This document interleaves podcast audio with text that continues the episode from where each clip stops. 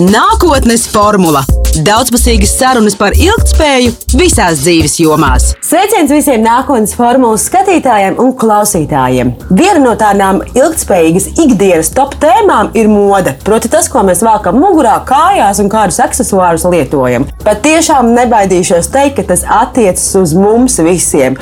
Jo, kā jau uz ielas redzams, visi mēs esam drēbēs, kaut ko velkam, kaut ko mainām, dažādas sezonas, dažādi stili, dažādas modes tendences. Par to šīs dienas raidījumā nākotnes formula. Studijā esmu aicinājusi Daci Akuli, ilgspējīgas modes eksperti. Sveika, Dace! Sveika! Paldies, ka esat laiku paviesoties manā raidījumā. Un, jā, moda milzīgs, milzīgs, milzīgs plašs temats un jā, viena no tādām top, top karstajām zonām ilgspējības kontekstā.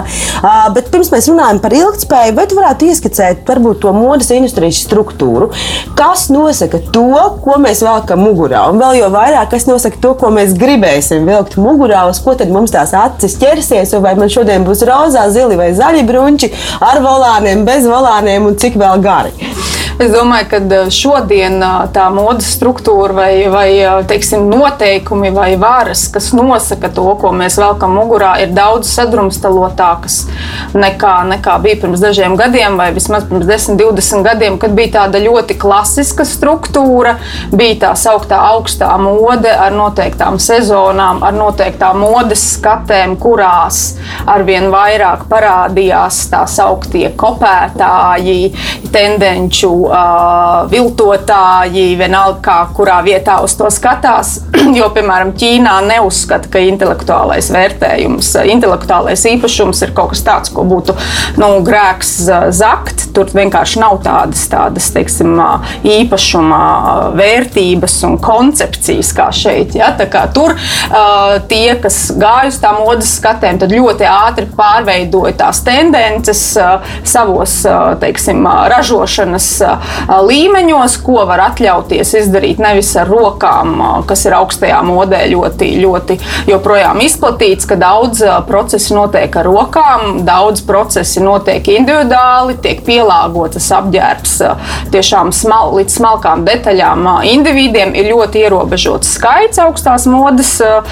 Vienā kleitā mēs nedabūsim miljonus cilvēku pasaulē, noteikti būs daudz, daudz, daudz mazāks skaits. Un tad tas viss aiziet līdz kaut kādam zemākajam, teiksim, ātrās modes slānim, ka tas jau tiek ražots rūpnīcās, ļoti tādās ražošanas apjomos, kur noteikti nav mazāk par 500 tūkstošiem un tam līdzīgi vienībām, nerunājot par to, ka dažas lietas tiešām miljonos tiek pasūtītas. Un, un, protams, tā agrāk bija tā, ka tiešām tās tendences, principā augstā mode pēc tam interpretējās līdz tai ātrējai modei, un pa vidu vēl būt, varbūt ir kaut kāds vēl vidējais segments, jo daudzas tās augstās modes zīmolu ģimenes, kas agrāk bija tiešām ģimenes uzņēmumi, ar laiku saprata arī tāpēc, ka tas pieslēdzās naudas tas faktors, vajadzēja pelnīt nevis tikai skaistas lietas, veidot, sāka veidot tās augtos vidējos zīmolus, ne tik augstās modes, bet tādus, nu, teiksim, vairāk pieejamus ar demokrātiskākām cenām un arī līdz ar to vairāk atkal tā ražošanas apjoma līmenī, kas ir tuvāk ātrai modē, bet nu, tomēr nebūtu tik daudz tie, tie, tie eksemplāri un arī nu, bija šī teiksim, varbūt cieņpilnāk strādāt nekā tajā ātras modes industrijā. Bet mūsdienās, tad, kad mēs runājam jau vairākus gadus par ilgspējīgas modes vajadzību un ilgspējas vajadzības palielināšanu tieši modes industrijā, ir arī tā skaitā mūsu reģionā ļoti izplatīts, ka cilvēki iepērkās lietotu drēbju veikalos, ka cilvēki arvien vairāk turās pie savām lietām, ka mūsu reģionā īpaši joprojām turpinās tendence, ka mēs paši radām lietas, mēs paši spējam uh, uzšūt, uzadīt un tam līdzīgi. Mm. Uh, un arī, protams, kā mēs redzam, nu, kaut vai uh, Rīgas ielās ir noteikti uh, rajoni, kur audumu veikali ir vairāk kā 11, uh, tāpēc tas parāda gan to, ka mēs paši šujam, paši mums ir vajadzības pēc šiem materiāliem, bet arī ir šuvēju industrija, ir joprojām slānis un, un, un teiksim, diezgan populāri, ja? ne tikai teiksim, miljonāru līmenī, ka mums ir īpaši mums šūtas drēbes. Es domāju, lielākā daļa no klausītājiem, skatītājiem varbūt zina, un pašiem skapī ir lietas, kas ir šūtas uz īpašiem gadījumiem, vai tā ir kāzu kleita, vai tas ir izlaiduma tērps. Nu, tas, tas, tas, tas tiek šūts pie šuvējas, kas ir principā teiksim, augstās modes uh, ešalons. Ja? Un, un es domāju, tagad līdz ar to tās lietas, uh, kā nosaka tendences, ir ļoti sajauktas. Vairs nav ātrās modes, tas diktāts, kas pēc tam aiziet uz ātrumu, uz, uz, uz teiksim, no augstās uz ātrā modi. Pa vidu ir kaut kas, kas ir jau pirms daudziem, daudziem gadiem ražots un lietotā veikalā atnācis un nāk mums pretī tāda tendence. Un tad vēl cilvēki rada tās pašas savas lietas, un kur cilvēki, radošie cilvēki iedvesmojās, tas var būt no, no jebkurienes. Protams, ir kaut kādas lietas, kuras joprojām uz kaut kā tirgus mēģina uzspiest vai mēģina parādīt, ka šajā sezonā varbūt ir šādas krāsas vai šāda griezuma un tā, bet es teiktu, ka nu, vismaz manā skatījumā arvien mazāk ir šis diktāts, arvien vairāk cilvēki paši izvēlās, paši uh, nosaka, kas ir viņu skapī. Un jā, varbūt kaut ko nedaudz no tā tirgus paņem, bet tirgus tieši šobrīd ļoti liela izaicinājuma priekšā ir tieši tāpēc, ka cilvēki savu au autentisko dēli grib izteikt arī apģērbos savādāk nekā pirms tam. Arī tāpēc, ka ir tik liela ilgspējas jautājuma šajā modes industrijas segmentā. Tas ir forši dzirdēt, ka mēs esam kaut kādā tādā ziņā varbūt tikuši tos dažus soļus uz priekšu un esam kaut kādā tādā nu, ar lielāku brīvību par pašu izvēlēties to, ko mēs gribam. Un īstenībā arī nesaņem kaut kādu sabiedrības nosodījumu vai kaut kādas expectācijas par to, ka, nu, kā tad mums būtu jāizskatās vai kā būtu pareizi izskatīties. Brīvība ir laba lieta, bet brīvība prasa arī ļoti lielu atbildību. Tā paša lēmuma pieņēmēja un cilvēka, cilvēka pusē, kurš tad velk tās drēbes un domā, kā viņš izskatīsies darbā, brīvajā laikā vai kādā svētku dienā. Kas tad no tā visa pieejama arsenāla ir tas, kas ir atzīts par ilgspējīgu pieeju? Ilgspējas uh, nosaukums visās jomās ir ļoti interpretējams jautājums. Jebkurā sektorā, ko mēs skatāmies, uh, tas, ko mēs saprotam ar ilgspēju, arī modes industrijā, ir dažādi vērtējams. Ir uh, šajā sektorā arī diskusijas par to, ka vai, varbūt vajadzētu kaut kādus kritērijus uh, vai elementus noteikt, kas tad ir tas, kas ir ilgspējīgs. Vienam ilgspēja modē nozīmē, ka uh, izmanto tikai otrais izmantotus materiālus audumos, Nu, citam tas var būt, ka mēs veidojam piegrieznes tā, ka nerodas atgriezumi.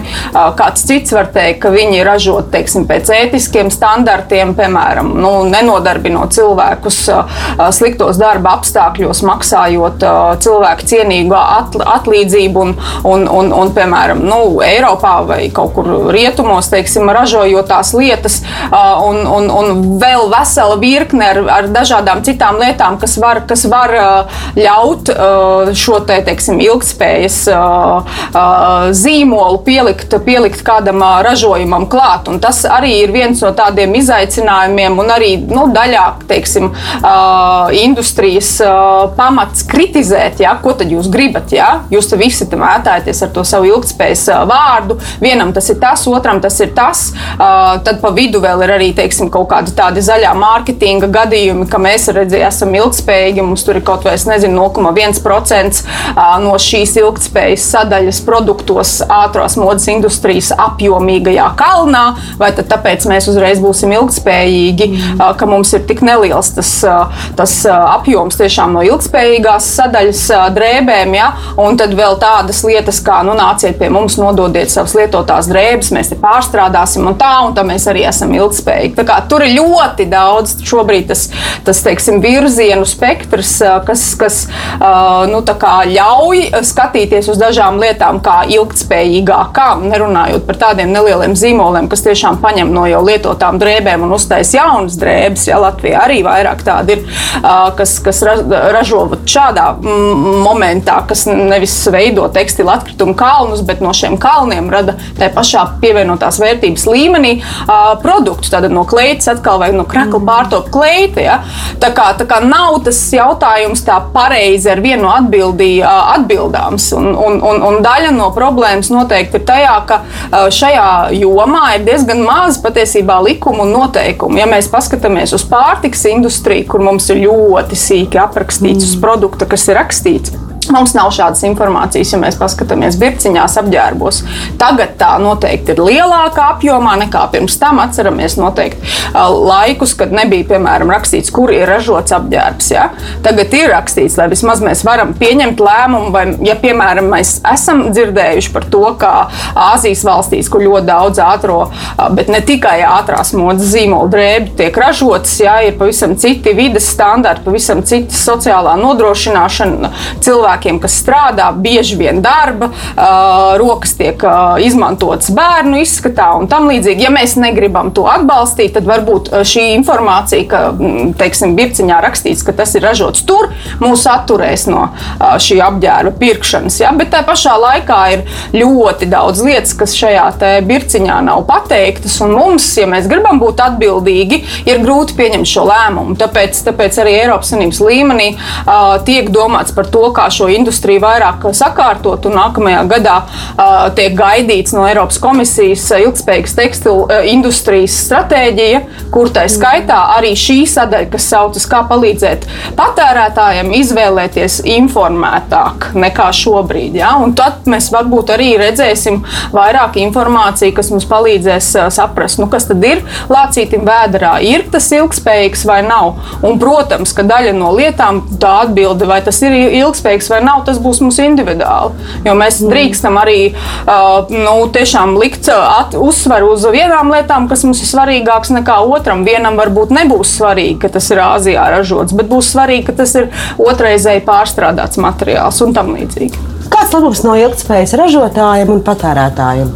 Patērētājiem pavisam noteikti ir tā sajūta, ka tu ned, ne, nedari sliktu uh, citiem cilvēkiem un vidēji un planētas resursiem, kurus mēs izmantojam. Un šobrīd uh, problēma modes industrijā tiešām ir uh, milzīga, ka mēs patērējam daudz, daudz vairāk nekā vajadzētu.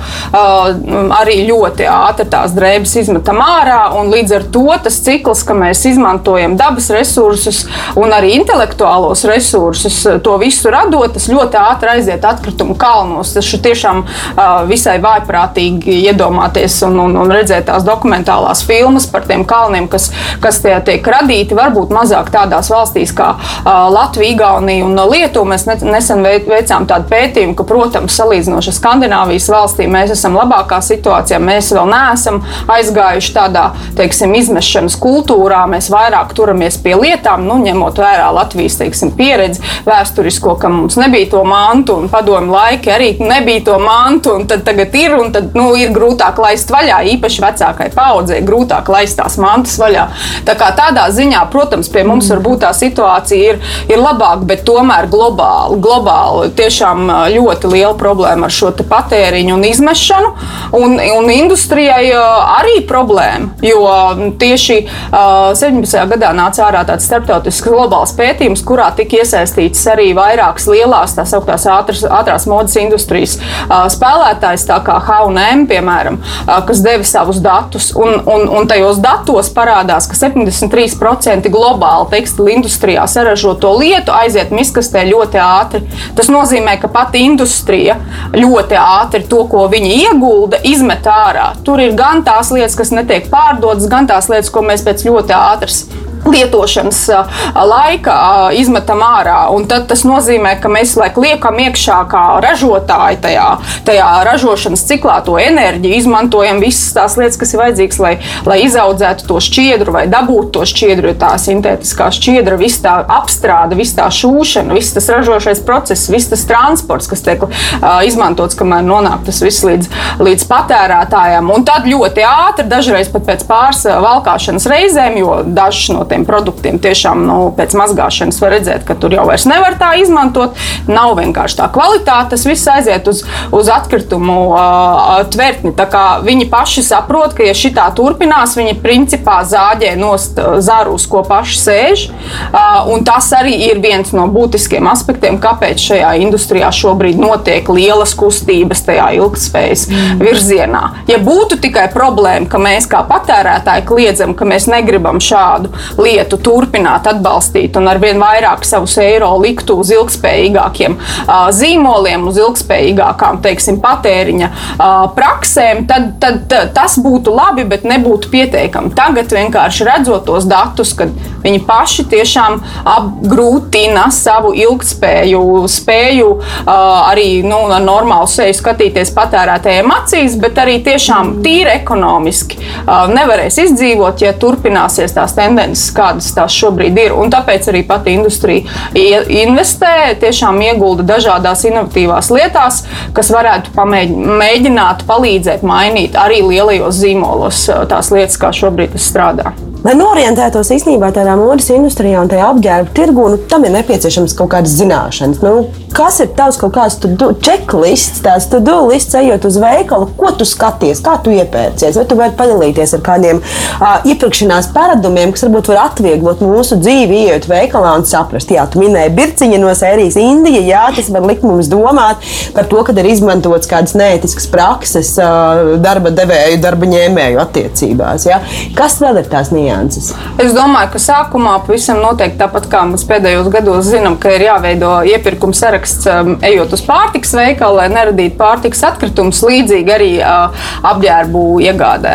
Man ir sarakstīns ar lietām, kas man tiešām ir vajadzīgas. Uh, ir kaut kādas uh, lietas, kas uh, visai ātri tiek novalkātas, jo bieži tiek valkātas. Ja? Nu, piemēram, man ir uh,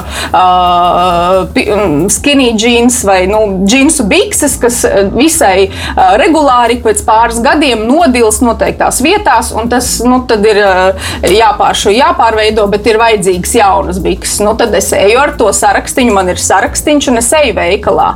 Es neļaujos, nu, cik vien ir iespējams, uz kaut kādiem spontāniem pirkumiem, lai gan nu, es arī esmu cilvēks, neviens nav perfekts, un arī dažreiz es varu sev to atļaut, mm. uh, ja, es, ja es varu to integrēt savā garderobē. Man liekas, tas ir ļoti arī svarīgs tāds aspekts, ka, ka īpaši modes tendenču, kas varbūt nāk no tās industrijas teiksim, apkalkulētiem teiksim, noteikumiem, kas, kas viņiem palīdz mums palīdzēt patērēt ar vien regulārāk. Tas nozīmē, ka, nu, piemēram, nu, varbūt kaut kāda tur modes tendence, un viņa tiešām piestāv konkrētajam cilvēkam. Un kāpēc nē? Nu, lūdzu, nu, izvēlieties, bet ļoti bieži tās krāsas un piegriezumi nedara visiem. Un, un, un tad, tad tiešām ir ļoti labi atcerēties, kā, kas man ir skapī pirms tam, kā es varēšu sakombinēt. Pavisam noteikti nevajadzētu ieguldīt lietā, kas prasa vēl papildus nopirkt accessorus, kurpes, un es nezinu, vēl, vēl varbūt pie, piesauļoties vai varbūt matu krāsu no, nomainīt. Ja?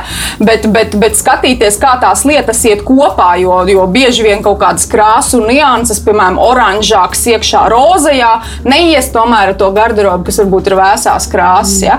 Tā kā, tā kā tur ir ļoti liels tas elements, ka mēs paši zinām, kas mēs esam. Mēs pieņemam to ķermeni, ar ko mēs esam piedzimuši, ko mēs esam izveidojuši, kāds tas mums šobrīd ir.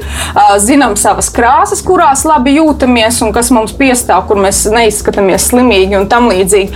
Un tad ar to sarakstiņu reālajām vajadzībām ejam uz to veikalu, bet neejam tāpēc, ka mēs gribam, es nezinu, uzlabot domu, nokompensēt kaut kādu pārdzīvojumu dzīvē, un, un, un, un, un, un tādā veidā arī palīdzot tai ātrās modes industrijai turpināt, uh, turpināt ar šo te, uh, teiksim, uh, uzbrukumu, mums uh, turpināt vēl vairāk patērēt. Tā, kā, tā, kā tā, tā ir tā daļa, kas ir teiksim, vienalga, vienalga, cik jūs zinat par vides un teiksim, tiem aspektiem modes industrijā, kas būtu jāzina tā vai šā. Un tad ir, protams, lietas, kas ir uh, materiālu izvēle, kas tomēr birciņā parādās. Tas ir valsts, tur jau mēs mazliet parunājām, bet bet tad ir vēl sintētiskie un dabiskie materiāli, kuriem nav neviena perfektā. Nav tā, ka visiem jāiet uz dabisko, nav tā, ka es varētu te uh, mierīgu sirdi pateikt, nu, ejam uz sintētiku, jo tur arī tur ir kaut kādas arī labas lietas. Ja? Nē, katram no tām materiālu uh, šķiedrām ir, ir savi izaicinājumi vidas uh, ziņā. Nu, piemēram, kok, kokvilnas audumi prasa ļoti daudz ūdeni, gan to audziņu, lai viņš izaugtu, gan viņu attīrītu no visiem augu pārpalikumiem, nu, pašas zaļās daļas. Ja? Tad vēl šķidrot, mazgāt, balināt visur. Tur ļoti liels ūdens patēriņš ir daudz. Ķimikālijas. Un ķimikālijas, pesticīdi, herbicīdi, lai vispār tas audziņš izauga un mazāk tur tā skaitniecības. Viņam notiek lielāka tā pūciņa, līdz ar to lielākas iespējas tikt pie lielākas šķiedras un tam līdzīgi. Tā kā tieši tā, un arī augsnes, arī augsnes resursi, ja, kur mēs, piemēram, šobrīd uh, pasaulē runājam par to, ka pārtika varētu pietrūkt un pietrūks daļai sabiedrības, ja daļās uh, pasaules valstīs, ja, tad, tad mēs izmantojam uh, šo augsni nevis lai ražotu pārtiku, bet lai atkal mums būtu jauns teikraklis vai džinsu bikses, kur kokvilna tiek izmantota.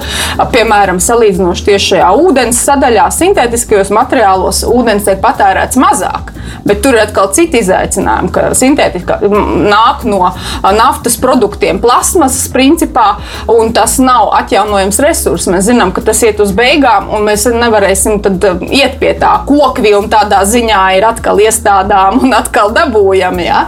Tā kā šeit ir tie izaicinājumi, un, protams, katrai tam apģērbam taču ir noteikti funkcija mūsu dzīvē, kā tu teici, vai nu, tas ir ikdienas apģērbs, vai tas ir svētku apģērbs, vai mēs sportojam ar to, vai mēs peldam ar to, vai mēs brīvi staigājam vai mēs savācamies uz kaut kādu īpašu pasākumu. Nu, neviens neies sportot vilnas zeķēs, un, un neviens neies peldēt kaut kādā tamborētā linu peltkostīmā. Ja? Tāpēc, ka tur ir vajadzīgs noteikts funkcijas, un tas ir sintētiskais apģērbs, kas palīdz savukārt, piemēram, vieglāk sportot vai, piemēram, aiziet peldēt un, un, un, un, un normāli, kas saka, neuztraukties, kur tas audums aizies pa, pa, to, pa to procesu. Ja? Tā kā, un arī ne neburzās sintētisks audums bieži vien. Tieši tā, nu, tā eh, sintētiskās eh, vielas eh, pievienojums audumiem, tā skaitā, piemēram, jau pieminētajām pieguļošajām biksēm, nozīmē, ka tās bikses būs ilgāk valkājamas, jo tas nozīmē, ka būs ilgāk iespējams valkāt un neizdilināt, teiksim, ceļgalus un dibenu. Vienkārši tur tā gumija, šajā gadījumā elastāns, ja, nozīmē, ka tas apģērbs ir pieguļošāks, vairāk tām individuālajām formām, kas nu, tiešām ir autentiski individuāls. Mums katram ja, nav mm. neviena tāda kopija, kā, kā, kā viens cilvēks un otrs ir tieši tāds pats. Ja, pat pie viņiem tas tā nav. Un, un, un tas nozīmē, ka, jā, ka tas, tas apģērbs ir ilgāk kalpojams un neizdils tik ātri kā ar dabīgajām šķiedrām. Tas pat, ja mēs uh, runājam piemēram par mājas tekstilu, ja mums ir uh, dabiskā samta pārvalks dīvānam, tas izdils un tā pūciņa nonāks nost ātrāk nekā, ja tur būs nedaudz iekšā mākslīgais tas elements vai mākslīgais samts izmantots. Piemēram, tajā nodilumā, kad mēs sēžam kaut kur, tā ir tomēr lieta, ko paņemt, ko, ko paturēt prātā, vai ne? Jo neviens jau negrib tur pārvilkt dīvānu, kas nav lēts prieks ik pēc pāris gadiem, tāpēc, ka nu, vienkārši ir izvēlēta nepareizā šķiedra. Tāpēc tur ir tā lieta, ka ļoti daudz patiesībā izglītības jautājums, cik cilvēki zina šīs lietas un var, var uh, saprast, kas ir par uh, kādu šķiedru. Tā, mēs pirms pāris gadiem uh, veidojam tādu akciju, kas ir mūsu skapjos, un, un cilvēkiem lūdzām iesniegt informāciju par birciņām. Tad man bija tāds pārsteigums, ka tā skaitā vienā šūšanas skolā cilvēki nezināja, nu, paši audzēkņi, jā, skolotāji, protams, zināja, bet paši audzēkņi nezināja, kas ir tās sintētiskās un dabīgās šķiedras. Tādas pamatlietas, ja, šūšanas mm. skolā, nevis tā kā vienkāršā skolā. Tāpēc, eh, tāpēc eh, tādā kaut kādā, eh, teiksim, jaunākā paudzē varbūt tās zināšanas daļai ir gājušas prom. Manā paudzē, mūsu paudzē, es domāju, darbmācībā mums tās lietas mācīja, mēs zinājām, kaut ko varējām saprast. Ja? Tā kā, tāpēc arī ir ļoti svarīgi, pat ja mēs neliekam visiem cilvēkiem kļūt par modes lielākiem ekspertiem, caur tām birciņām, caur to uh, daudz kaut kādu kodolīgu informāciju tomēr palīdzēt izvēlēties. Tāpat kā uz produktiem pārtiks veikalā. Mums ir palīdzība tur ne tikai mārketinga triki, teiksim, kas tur uzraksta bez ēvielām vai bez tur tik daudz cukuru vai tam līdzīgi. Mums ir arī tabuliņa, kas parāda, cik kas lācītim ir vēderā. Kaut ko līdzīgu, es domāju, arī modes industrija uh, redzēs ļoti drīz, un tad mēs varēsim kā patērētājs tomēr gudrāk izvēlēties. Tad, principā, tās kombinācijas pat nav tik trakas, ja tu saki, ka mēs, piemēram, šo apģērbu un tās pašas bikses ar elastānu varēsim lietot nedaudz ilgāk, kā tad, ja viņas būtu simtprocentīgi dabīgas. Protams, protams, un es tāpēc saku, nav tāda materiāla, kas ir kā, nu, teiksim, melns kā velns, ja, un vajadzētu no tā turēties ļoti uh, tālu prom. Protams, pie sintētikas ir jā, jāatcerās, ka tad nu, tomēr mēs velkam plasmasas, uh, plasmasas šķiedru. Uh, mēs noteikti visi zinām, ko tas nozīmē, ka mēs vairāk svīstam tajā. Nu, tas principā ir kā tāda mazliet elpojoša, bet tomēr plasmas maisiņš mugurā. Ja? Un pie noteiktām, uh, noteiktām teiksim, funkcijām tas ir pilnīgi uh, kārtībā, tas mums netraucē, mm. bet noteikti ir, ir, ir, ir situācijas, ka mēs pavisam noteikti nejūtamies uh, komfortā tajā visā. Bet tas nenozīmē, ka, ka, ka tas ir pilnīgi no mūsu garderobas izslēdzams. Un šobrīd modes industrijā divas trešdaļas no visiem materiāliem, kas globāli tiek ražots, ir tieši sintētika. Poliesters mm. vispopulārākais no tiem, jo tam ir vairāk tādas patīkamas, ād, uz ādas patīkama tāda sajūta, ja? un, un, un, un, un arī ļoti tāds, teiksim, ekonomiski izdevīgs materiāls, ar ko var operēt diezgan, diezgan ātri, ja? un arī līdz ar to viņš ir tāds, nu, tā kā, ļoti labi pieguļ mums, ja? tas arī at, at, atvieglo problēmas, ja? kā jau teicu, katrs cilvēks mums ir individuāls savās, savos apaļumos un, un savās formās, un, un, un, un ja ir tāds materiāls, piemēram, līns, nu, tas ir ļoti salīdzinoši grūts uh, materiāls. Tāpēc arī pie līna, ja nešuju pie šuvējas, tad tas ir kaut kas maisīgs un tāds brīvs. Jo tad ir lielāka iespēja, ka tomēr cilvēks ie, ieies tajā un labi izskatīsies. Ja pie sintētikas mēs varam atļauties tomēr būt šī pieguļošāks, jo mēs zinām, viņš pielāgosies tieši tāpēc, ka tā ir tā sintētika un tas, tas uh, plasmas. Jautājums vēl par to uh, slow fashion. Mēs visu laiku runājam par to fast fashion, par to ātrā modi, un tad tas ir tas otrs koncepts, kā slow fashion. Ko tas nozīmē? Nu, tas ir varbūt tāds uh, uh, viens no ekstrēmākajiem ilgspējas, ilgspējas modes uh, virzieniem vai galiem. Nu, viena no lietām, uh, lai gan tur arī ir interpretācijas par to, ko mēs saprotam ar šo lēno modi, uh, ir, ka tas tiek ražots pēc pasūtījuma. Un tas nozīmē, ka mēs nevaram aiziet uz veikalu un nopirkt, ka ir gaidīšanas laiks, un ir tādu uzņēmumu arvien vairāk, kas eh, pēc šāda ražošanas modeļa strādā. Principā tas ir kaut kas zemāks, eh, pieejamāks nekā augstā mode, eh, bet tomēr ražots pēc pasūtījuma. Tas nozīmē, ka no ruļļa mēs nogriežam un piegriežam un sākam materiālus izmantot tikai tad, kad mēs zinām, ka tiešām kādam tas ir vajadzīgs. Nevis tā kā tagad, šobrīd tiešām ir tie, tie daudz zīmoli, kas vienkārši uh, pasūta ne jau 30 23 uh, vienības, pēc ka kāds uh, ir tiešām viņas pasūtījis un gribējis, bet gan, piemēram, miljonus, un pēc tam pusmiljonu, piemēram, nav pārdodams, un mēs zinām šo stāstu, ka vai nu tiek dedzināti vai sagriezti vispār nepārdoti jauni, jauni apģērbi. Ja? Tā, tā lēnā mode viens no tiem pamata elementiem ir, ka mēs ražojam tikai tad, kad tiešām ir vajadzība, kad ir pasūtījums, un tas prasa no mums kā patērētājiem to lēnumu vai, vai pacietību gaidīt, kad šī ražošana notiek. Ja? Tās var būt nu, sākot no diviem, divām nedēļām pie tādām vienkāršākām lietām līdz, līdz mēnešiem. Un mēs zinām, ja mēs ejam uz kaut kādām tur, uh, kāzu kleitām un tā, un, un, un ja ir liels uzņēmums, kas nav tikai tā, ka vienai kleitai var pievērsties, ja? tad tas, protams, tas jau ir mēnešu, uh, mēnešu jautājums. Un, ja mēs ejam uz accessoriem, tad joprojām ir pāris, pāris tiešām izņēmumu uh, uzņēmumi, kas joprojām ar gaidīšanas listēm uz somām ir, kur pat gadu ir jāgaida. Ja? Tāpēc, ka tur tik liels pieprasījums un meistari ir ierobežoti ar tām prasmēm, un tas joprojām notiek Eiropā, un tas nenotiek ar bērnu nodarbināšanu un tam līdzīgi. Un tas nozīmē, ka cilvēki ir gatavi gaidīt uz šo mm. augsto rokām, tiešām darināto somu, piemēram, šajā gadījumā, ja, gadu, gadu garumā. Pie drēbēm, es domāju, gadu tas ir tiešām nu, tādos ekstrēmos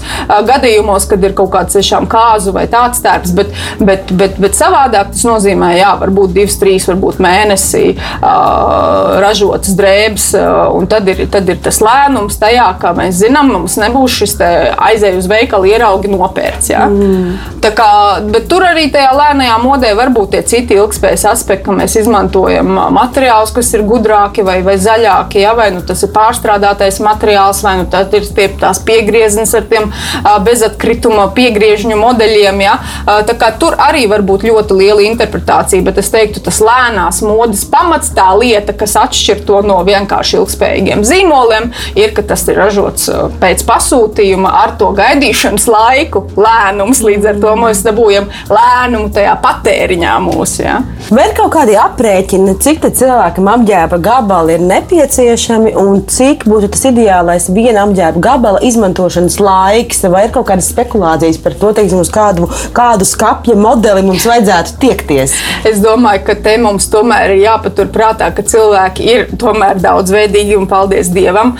Un vismaz kategorizēs vismaz trīs grupās, kur noteikti ir tas kaut kāds minimālisms, kuram ir pilnīgi pietiekams ar kaut kādām, nezinu, 30 vienībām garderobē, kur mēs iekļaujam arī virs jakas un virs strēbes, jā, bet, nu, varbūt kurpes neiekļaujam, varbūt apaus neiekļaujam, neiekļaujam zeķus un apakšveļu, jā.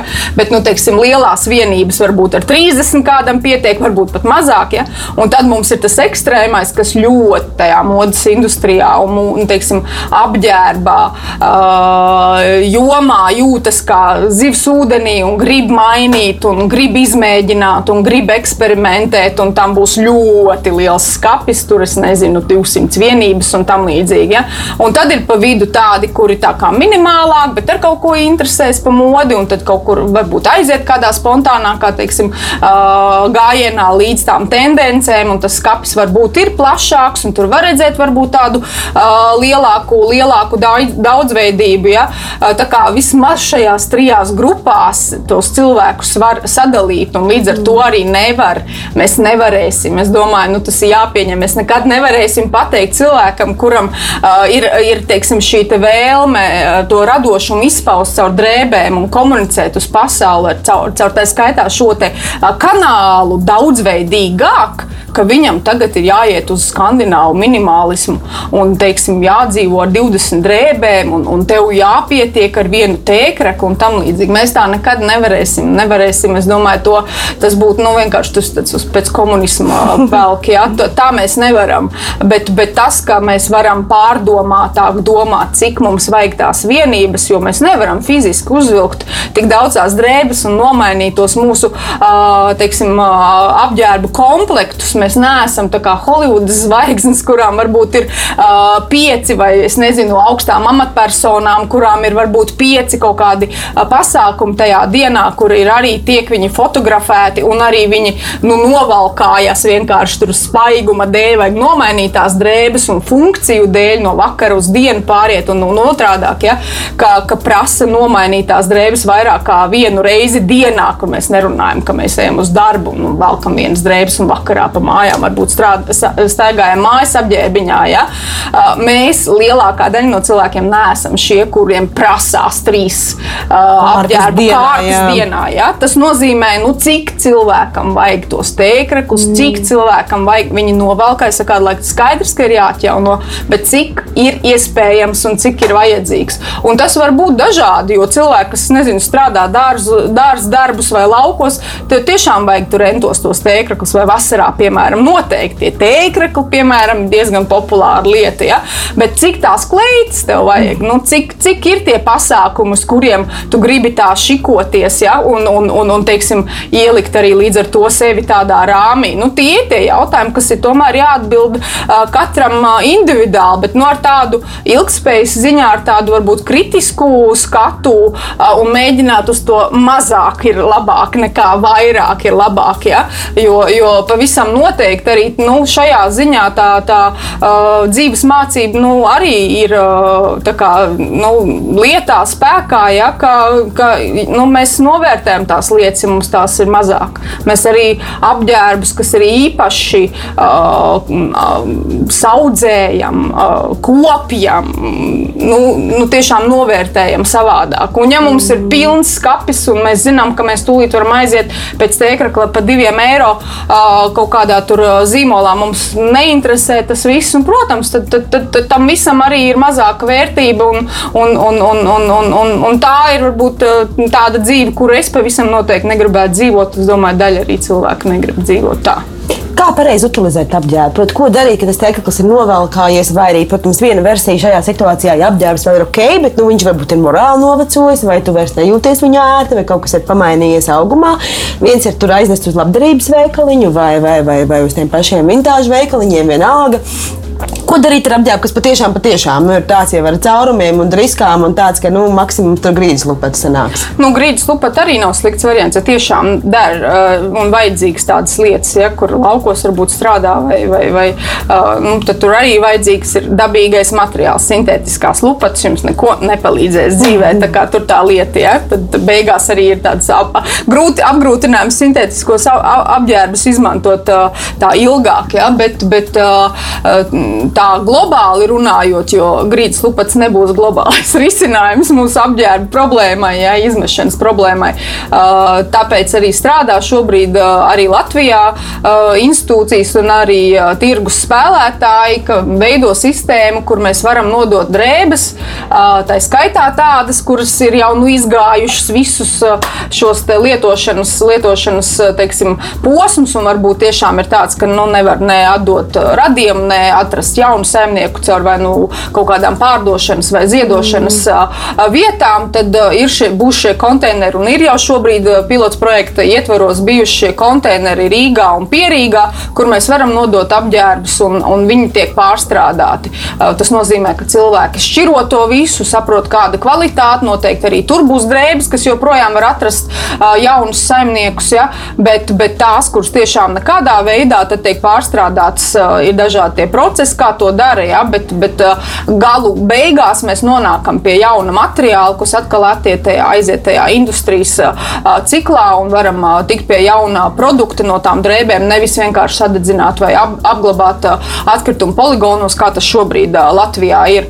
Un šī ir tāda sistēma, kas ir visās Eiropas Savienības valstīs jābūt jau līdz 25. gadam, tā kā arī Latvijā tas viss būs jāliek lietā un jāiedarbina līdz 25. Gadam gadam, un, un, un ir tādas uh, cerības un pazīmes, ka mēs varbūt mazliet ātrāk to sāksim, tad būs šīs vietas, kur mēs, nu, teiksim, ar labu sirdsapziņu, uh, zinot, kas ar tām lietām notiks, varēsim savus drēbes uh, atdot. Es arī godīgi teikšu, ka tad, kad šis pilotprojekts bija, tad es arī divus maisus savācu ar lietām, kas jau ļoti ilgi bija stāvējušas. Tā ir skaitā arī atgriezumi no tās ražošanas sadaļas vai pašas šūšanas tām lietām, ja, kas vienkārši bija glabājušies, jo es nevarēju izmest, es vienkārši nevarēju saņemties un vienkārši izmest to parastajā konteinerā. Es ļoti novērtēju to iespēju, ka es to varu nodot veidā, ka es zinu, ka tiešām tas netiks likts vēl klāt apglabāšanā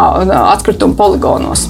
Vai sintētiskos audumus var laist aprits ekonomikā, pēc tam pārstrādāt un izmantot atkārtoti? Protams, no sintētiskiem materiāliem arī var saplēst tos gabalos vai arī ķīmiski pārstrādājot, tad tur top šķidrums un atkal no tā mēs rodam jaunus materiālus. Tā kā nav tikai runa par dabiskajiem materiāliem un dabiskajām šķiedrām. Nav, nav, nav tāda lieta, ka tikai tas dabiskais atzars, kas šobrīd ir modes industrijā, kā es teicu, ir tikai viena trešdaļa ja, dabiskās šķiedras un divas trešdaļas ir sintētiskais, ka tikai dabīgos var laist apritē. Nē, arī ar sintētiskajiem audumiem, jo ja jau būtu tikai ar tiem dabiskiem, nu tad vispār būtu vāks šobrīd, teiksim, modes industrijā, ja jau tik mēs daudz, jau mēs dzīvotu uz jā, jā, bet lupatām. viena, protams, tā, tā, tas izaicinājums ar sintētisko materiālu un vispār šķiedru daudzveidību mūsu apģērbos ir tas, ka ir grūti nodalīt tās šķiedras tīri tehnoloģiski. Mm. Ja mums, piemēram, ir šī, šie, šie džinsi ar to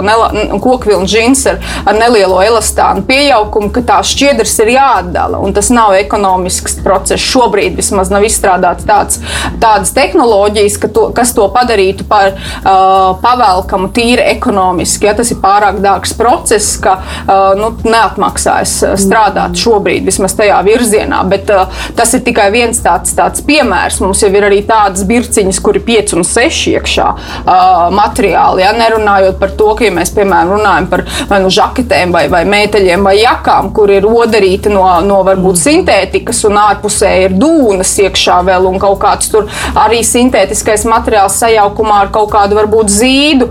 Tas ir arī viens no tiem izaicinājumiem, ka mums ir visādi pieaugumi. Nerunāsim par to, ka diegi mums ir sintētiskie, pat dabīgajās, nu, nav dabīgo diegu nu, ļoti reti. Viņi nav vienkārši izturīgi, ja, tāpēc ir tie sintētiskie, visādas pogas, metāla, rāvēslēdzēji, viss kas tāds, kas ir papildus vēl tam apģērbam klāt, kas arī tajā ilgspējas sadaļā rada savus izaicinājumus, jo, jo būtībā to ilgspēju jau tīri dizainā var paredzēt, ja mēs neliekam klāt nevajadzīgas lietas vai neapgrūtinam nevajadzīgi to pro produktu dizainu tā, ka pēc tam tā pārstrāde ļoti, ļoti apgrūtināta. Es nerunāju par to, ka mums pēkšņi būtu jāiet, es nezinu, rāvēslēdzēju vietā kaut kāda šņurīte vai es nezinu kas, bet, bet uh, ir daudz apģērbi uh, pēdējā arī laikā, ko mēs noteikti varam katrs iedomāties, ja, kur ir rāvēslēdzējs uzšūts pa virsmu, lai gan nav vajadzīgs. Ja, tad, ir, tad, tad uh, to nevar laist iekšā tajā pārstrādes mašīnā. Tas ir jādabū nost, un to parasti dabū nost manuāli ar cilvēku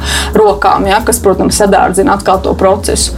Tā kā tā pārstrāde, jā, tas nav tā, ka mēs, ja mēs iedomājamies, tur vienkārši kaut kādā trubā to ieliek, un tas viss kaut kā tur saplēšās un kaut kā tur atbirst, tur tās visas pogas. Nē, nē, tas ir savādāk. Tas ir ļoti, ļoti filigrāni un prasa tiešām daudz, daudz resursu, un tur ir daudz izaicinājumu. Bet arī modes lielie zīmoli tajā, tajā virzienā, tā skaitā, kā tās šķiedras varētu atdalīt, daudz iegūt šajā laikā, lai, lai, lai saprastu, kā to varētu gudrāk darīt un padarīt ekonomiski tomēr izdevīgu.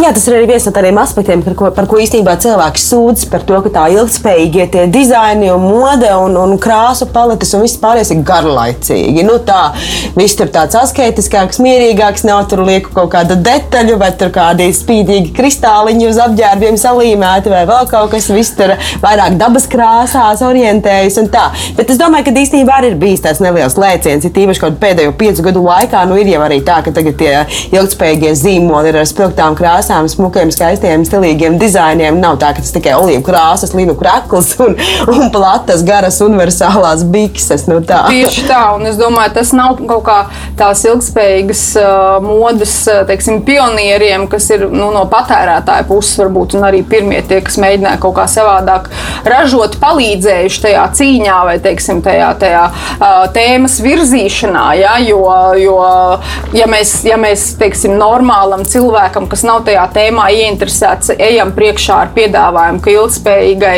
modei ir vajadzīgs, ka tu staigā ar kartupeļu maisa, paskatu kaut kādu un vispār apsedzi sevi ar kaut ko tādu. Ir cilvēki, kuriem šī estētika tādā veidā patīk un, un, un, un, un patīk ar tādām brīvākām un, un, un, un, un varbūt tiešām maigākiem un dabīgākiem toņiem staigāt, un tas viss ir pilnīgi normāli. Bet, bet, bet, bet iet, ka tas ir tas vienīgais pareizais risinājums, un teiksim, tagad visiem tā būtu jāstaigā. Es godīgi teikšu, arī tā nevaru. Es, mm -hmm. nekad, man arī ir atsits teiksim, no sākuma tas ilgspējīgais atzars tieši ar šo piedāvājumu, jo es tajā to neredzēju. Man par laimi ir šūšanas prasmes, es pati varu tad, uh, radīt to savējo uh, un, un, un, un apiet šo problēmu. Bet lielākajai daļai jau nav šo iespēju. Ja, un, ja nāk tas uzstādījums, ka tev tagad ir kartupeļu maisā kaut kādā tur netīri baltā, jo tur nekad baltu nevar tādu spilgtu dabūt dabīgā veidā, ja tur tomēr ir balināšanas process, tad es arī teiktu, nu, ka lielākajai daļai es varu saprast, ka atbilde būs nē. Nu, tad es labāk meklēju kaut kādu citu risinājumu. Jo vienīgais, kas,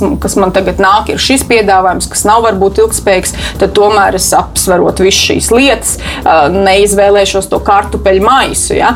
Bet tagad tiešām tā industrija ir pagājusi uz priekšu, tā skaitā, ka nu, tiek meklēti tie dabiskākie, vidē draudzīgākie, arī cilvēkam draudzīgākie ķīmiskie procesi, ka mēs varbūt tomēr tiekam pie tām krāsām veidā, kas nav tik, tik teiksim, kait, kaitējošs ja, dažādām, dažādām iesaistītajām pusēm. Mēs varam panākt, ka mums ir spilgtas krāsas, mums ir, ir arī apdrukas, teiksim, kaut vai tēkrakliem, vai es esmu vienā konsultīvā padomē uzņēmumam, kas veido peltkostīmus no pārstrādāta materiāla, ja, no, no zvejnieku tīkliem, kas ir savākti jūrā un kas ir nolaidušies zemē, tiek, netiek vairs izmantoti. Ja. Un viņi arī, protams, negrib likt printējumu virsū, kas ir neilgtspējīgs. Ir arī tagad jau tāda tās drukas krāsas, ja pat šādā mm. līmenī, kur meklē to zaļo, zaļo risinājumu. Un tu, tu, tas ir tas skaistais, kas man arī, piemēram, liek cerīgi skatīties uz šos, in, šos industrijas attīstību, ir, ka tiešām tajos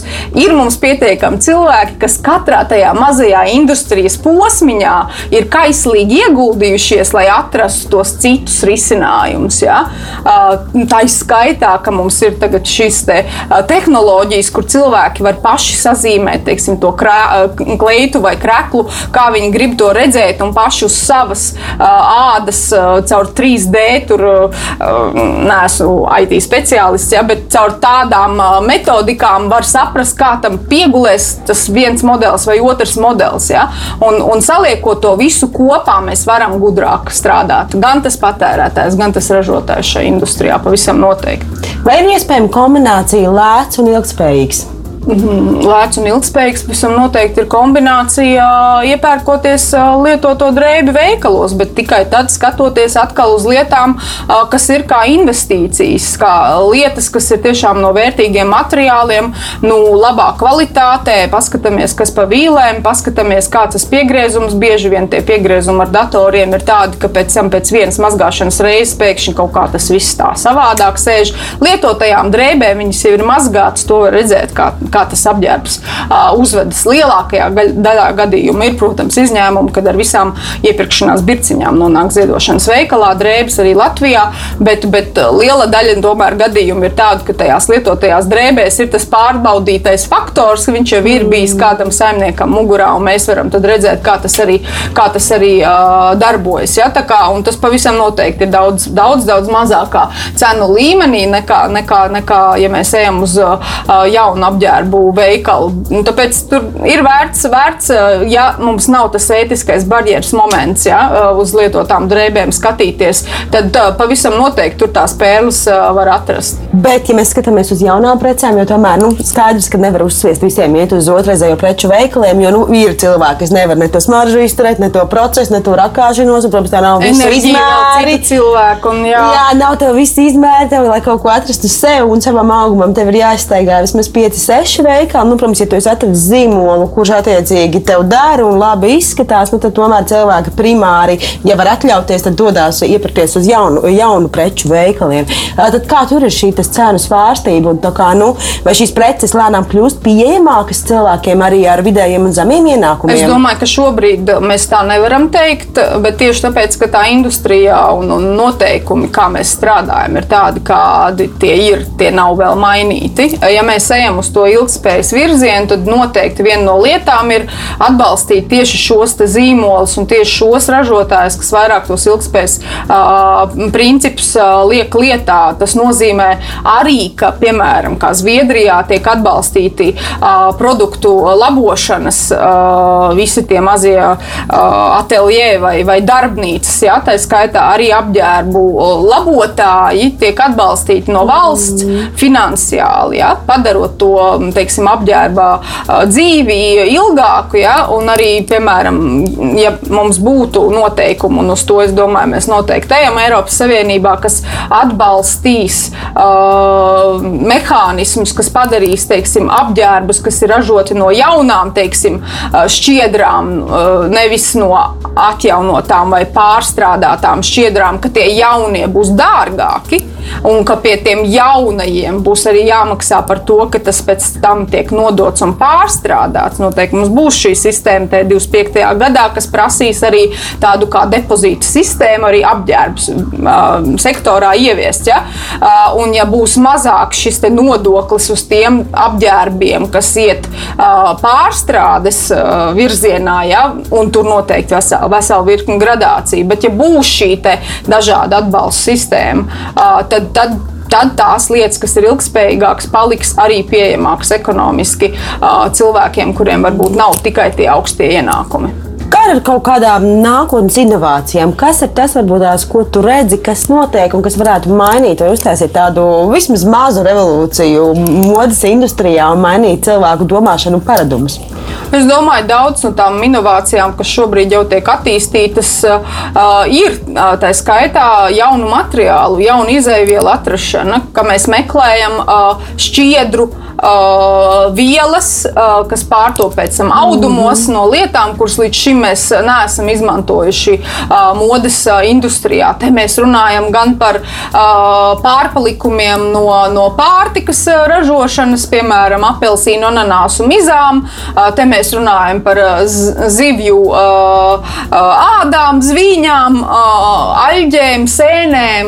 Nu, tur ir ļoti plašs spektrs, kas šobrīd tiek pilotēts un tiek ražots jau teiksim, tādos pilotu projektos tie apģērbi. Un noteikti tas teiksim, viens no iedvesmojošākiem ir tas gadījums, ka principā citā, citādā veidā mēs izmestu to lietu ārā, ka mēs no, piemēram, no šķelda arī, ja, no lietas, kas neiet teiksim, koka ražošanas industrijā uz priekšu, nepārto par, par kaut kādu masīvu koka mēbeli, ja, mēs tomēr to pārveidojam par, par briketēm vai, vai šķeldām vai mūžiem mulčām un tam līdzīgi. Tāpat arī šajā industrijā, ja mēs varam nevis apelsīnu mizas izmest, bet no apelsīnu mizām uztaisīt šķiedru audumam, tad jau tas ir kaut kas jauks un burvīgs. Un te pašā arī ir tie jaunie materiāli, kā, kā tencels, piemēram, ja, vai liocels. Tie ir tādi celulozes, kas arī nāk no koka, ja, no, no pārpalikumiem, no koka industrijas principā. Ja,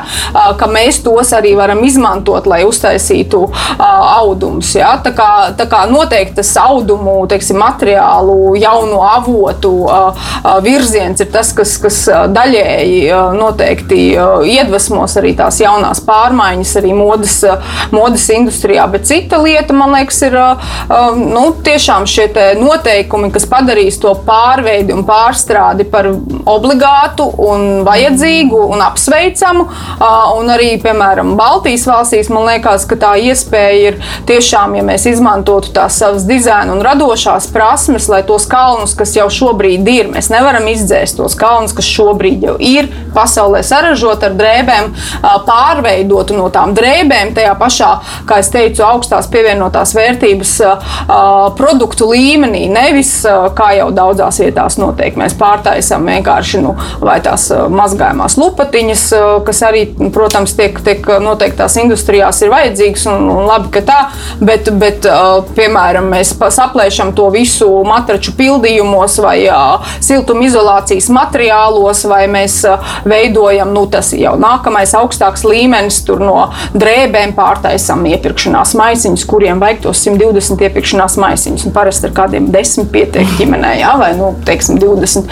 Un, tā, un, un, un tas tomēr ir daudz zemāks līmenis nekā apģērbs. Bet, ja mēs varam, tas, kas man liekas, Baltijas valstīs, Latvijā noteikti ir jāmēģina jāmēģina darīt un jāmēģina stiprināt šis virziens, ka mēs varam no apģērba uztaisīt jaunu apģērbu. Bet, tad, protams, tas nozīmē, ka tur vajag noteiktu stila un teiksim, minimālisma un tādus konceptus, ka aiziet uz Skandināvijas, Baltijas valsts teiksim, tirgu, ja, kur tas tiek, uh, tiek vērtēts kā pietiekami attraktīvs. Ja, bet to mēs varam izdarīt salīdzinot ar daudzām citām valstīm, ka tas vairs vienkārši nav iespējams. Jo nav tas prasmju līmenis, nav to zināšanu, kas, kas mūsu sabiedrībā ir. Un tur mēs tādā ziņā varētu uh, saka, nu, parādīt savējo to spēju un, un, un būt pionieri tādā, tādā tādā ziņā. Ja, jo uztaisīt rūpnīcu, kur pārstrādā lietas tāpat kā tas notiek kaut kur citur, nu, tas nav nekas tāds inovatīvs un jauns, un, un, un, un to var izdarīt jebkur.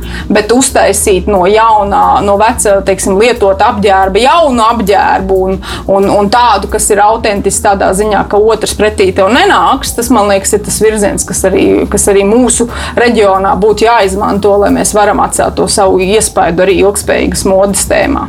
Pārtiks industrijā tiek slavēta vietējā produkcija, vai apģērba industrijā strādā tas pats princips?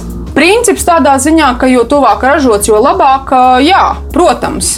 Bet, nu, bet arī audumi tāpat ir nāk, no jā, un, un tāpēc arī daudzās, daudzās šajās sarunās par ilgspēju ir tas jautājums, vai mēs mēģinam arī dabūt teiksim, to izēvielu kartupeli pēc iespējas tuvāk mājām. Un ir, un ir zīmoli, kas mēģina to arī izdarīt. Tā kā mm. nav jau tā, ka mums ir Eiropā izzudusi pilnīgi modes industrija, tajā arī ražošanas sadaļā. Nu, ja mēs nerunājam par šūšanu, bet arī par par audumu ražošanu. Protams, Itālija un citas valsts vēl nedaudz tomēr ražo šīs lietas. No turienes arī var to, to izvēlēties. Un, piemēram, noteiktos materiālos mums nemaz nav tik tālu jāiet. Ja Lietuvā joprojām ir līnija industrija uh, saglabājusies, tad tur pavisam noteikti var iet. Tad, kad es mēģināju uh, savu soli ražošanā, es arī iepazinos ar lietuviešiem un ar igauņiem, kas, piemēram, veido trikotāžu šaudumus, un tā skaitā no bambušu šķiedrām un visādiem interesantiem moderniem salikumiem, tepat pie pērnavas. Ja, kā, ja mēs gribam, mēs varam atrast tos tuvākos arī izēvielu punktus, bet nav tā, ja mēs gribam strādāt ar, ar teiksim, nu, vienalga kādām šķiedrām, nebūs tā, ka mēs varēsim izvē, nu, izvairīties no tā, ka varbūt tas lidos no otras pasaules malas pie mums. Noslēdzot mūsu šīsdienas sarunu, kā tev liekas, vai sabiedrība ir gatava tik straujām pārmaiņām, cik no mums prasa īstenībā pasaule, daba, resursu izsīkums un viss pārējais? Ja? Nu, nu, tādos lielos vilcienos nu, mums ir 5, 10, 15, varbūt 20 gadi, bet nu, šajā periodā ir kaut kam fundamentāli jāmainās. Kā tev liekas, vai sabiedrība kopumā un it īpaši cilvēki Latvijā tam ir gatavi? Es domāju, mēs esam gatavāki nekā mēs bijām pirms tam. Mums ir arī diezgan daudz atgādinājumu, ka tā kā līdz šim mēs turpināt ilgi vairs nevaram. Es domāju, mēs arī kaut vai paskatāmies Covid-19 ietekmē, kādas ir bijušas bildes par, par kalniem un dabas skatiem, kas pēkšņi paceļas un ir pieejami lielajās pilsētās, jo pēkšņi ir apstājusies satiksmes kustība, ja, un vairs nav tas piesārņojums un arī lielās ražošanas vietas, rūpnīcas ir pārstrā, pārtraukušas darbus kaut kādu laiku, ja, un pēkšņi ne tikai tās vizuālās ainavas, bet arī pavisam cits gaisa un skaņas piesārņojums, kas mums arī liek, es domāju, uzdot tos jautājumus, kādā planētā mēs te kopā dzīvojam, kā mēs uh, uzvedamies un ko mēs katrs darām visās savās dzīves jomās. Šajā gadījumā arī apģērba industrijā, lai mēģinātu tomēr iet uz to, ka mēs redzam to dabu, ka mēs dzīvojam, nu, cik ir iespējams tīrā vidē arī šeit pilsētās. Un, un es domāju, tā apstāšanās arī vīrusa saskaņā arī ir likusi